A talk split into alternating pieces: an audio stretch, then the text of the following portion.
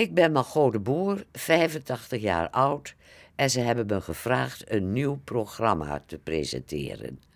Het leven een gebruiksaanwijzing. Door zuurstofgebrek kan ik niet praten en zit ik in een rolstoel.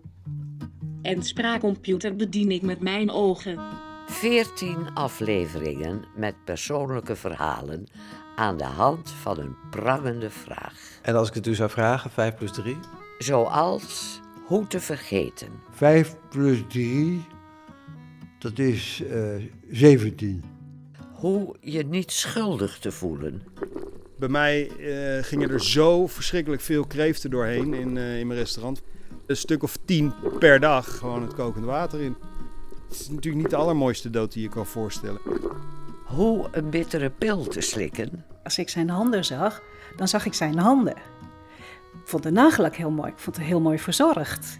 Maar het waren mijn mans handen. Of hoe je stem te vinden. De stem die ik nu heb klinkt als een koud iemand die weinig emotie heeft. Dit ben ik niet. Het leven een gebruiksaanwijzing. Vanaf 18 september iedere zondag om kwart voor tien in Radio Doc. Of abonneer je op de podcast van de makers van Toendra en Plots. Ik heb ook wel de behoefte gehad aan een gebruiksaanwijzing hoor.